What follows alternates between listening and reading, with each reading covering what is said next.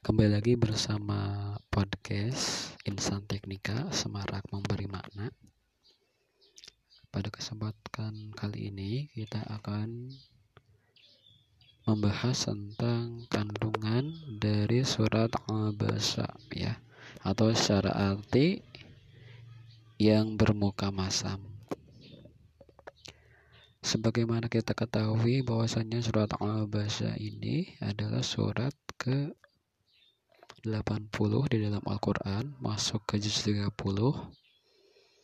terdiri dari 42 ayat ya termasuk golongan surat Makiyah yang diturunkannya itu setelah surat An-Nazm.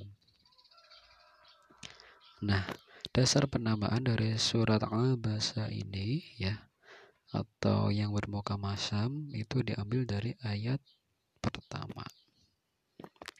Menurut riwayat pada suatu ketika Rasulullah SAW menerima dan berbicara dengan pemuka-pemuka Quraisy yang beliau harapkan agar mereka masuk Islam. Dalam pada itu, datanglah seorang yang bernama Ibnu Ummi Maktum, seorang sahabat yang buta yang mengharap agar Rasulullah SAW membacakan kepadanya ayat-ayat Al-Quran yang telah diturunkan Allah. Tetapi Rasulullah SAW bermuka masam dan memalingkan muka dari Ibnu Umi Maktum yang buta itu. Lalu Allah menurunkan surat ini sebagai teguran atas sikap Rasulullah SAW terhadap Ibnu Umi Maktum.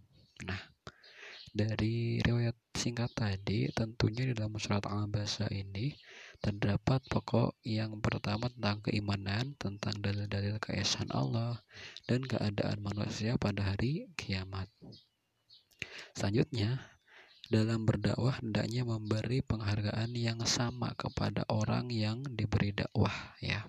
Jadi tidak membeda-bedakan Kemudian cercaan Allah kepada manusia yang tidak mensyukuri nikmatnya.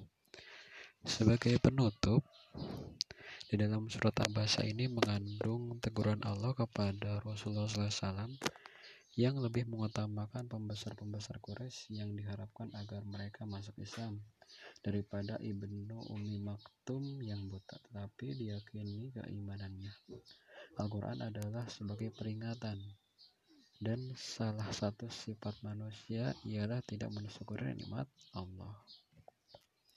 Hubungan surat Ambasa dengan surat At-Takwir yang setelahnya dalam Al-Quran itu eh, yang pertama sama-sama menerangkan tentang huru hara dalam hari kiamat. Yang kedua sama-sama menerangkan bahwa manusia pada hari kiamat terbagi dua.